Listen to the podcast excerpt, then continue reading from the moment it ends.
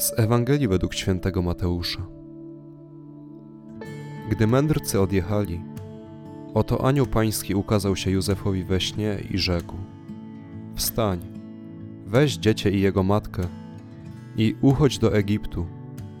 Pozostań tam, aż ci powiem, bo Herod będzie szukał dziecięcia, aby je zgładzić. On wstał, wziął w nocy dziecię i jego matkę i udał się do Egiptu. Tam pozostał aż do śmierci Heroda. Tak miało się spełnić słowo, które Pan powiedział przez proroka: Z Egiptu wezwałem syna mego. Wtedy Herod, widząc, że go mędrcy zawiedli, wpadł w straszny gniew. Posłał oprawców do Betlejem i całej okolicy i kazał pozabijać wszystkich chłopców w wieku do lat dwóch, stosownie do czasu, o którym się dowiedział od mędrców. Wtedy spełniły się słowa proroka Jeremiasza. Krzyk usłyszano w rama, płacz i jęk wielki. Rachel opłakuje swe dzieci i nie chce utulić się w żalu, bo ich już nie ma.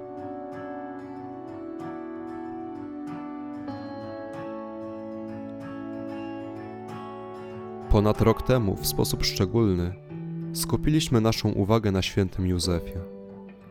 Na człowieku, którego żadnego słowa nie zapisano na kartach Pisma Świętego, a jednak nikt nie ma wątpliwości co do jego świętości.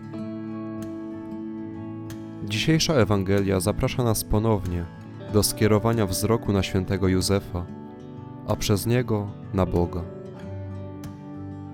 Zaciekawić może dynamika, z jaką święty Mateusz opisuje ucieczkę świętej rodziny do Egiptu. Po obudzeniu się ze snu, Józef wstaje, bierze dziecko i jego matkę i udaje się we wskazane miejsce. Bez żadnego narzekania, zastanawiania się, czy też obrażania się. Ufa Bogu. Wierzy Jego słowu skierowanemu przez anioła. Co więcej, w realizacji Bożego planu bierze pełną odpowiedzialność za swoich bliskich. Pojawia się tutaj ciekawe napięcie. Józef, jednocześnie odznaczając się cnotą męstwa, stara się chronić Marię i Jezusa. Działa szybko i konsekwentnie, czego wymaga od niego sytuacja. Jednak jednocześnie ma świadomość, że tym, który przede wszystkim kontroluje sytuację, jest Pan Bóg. Józef nie realizuje swojego planu ochrony rodziny, ale ten wskazany przez Boga. W dzisiejszym świecie nie brak przykładów, gdy inne rodziny uciekają przed trudną sytuacją, która zastała ich w miejscu zamieszkania.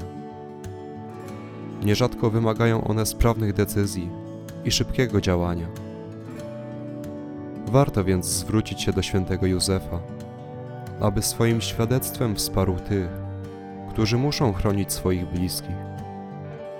Niech przez swoje wstawiennictwo pokaże im tę prawdę, że w pierwszej kolejności tym, który opiekuje się człowiekiem, jest sam Bóg.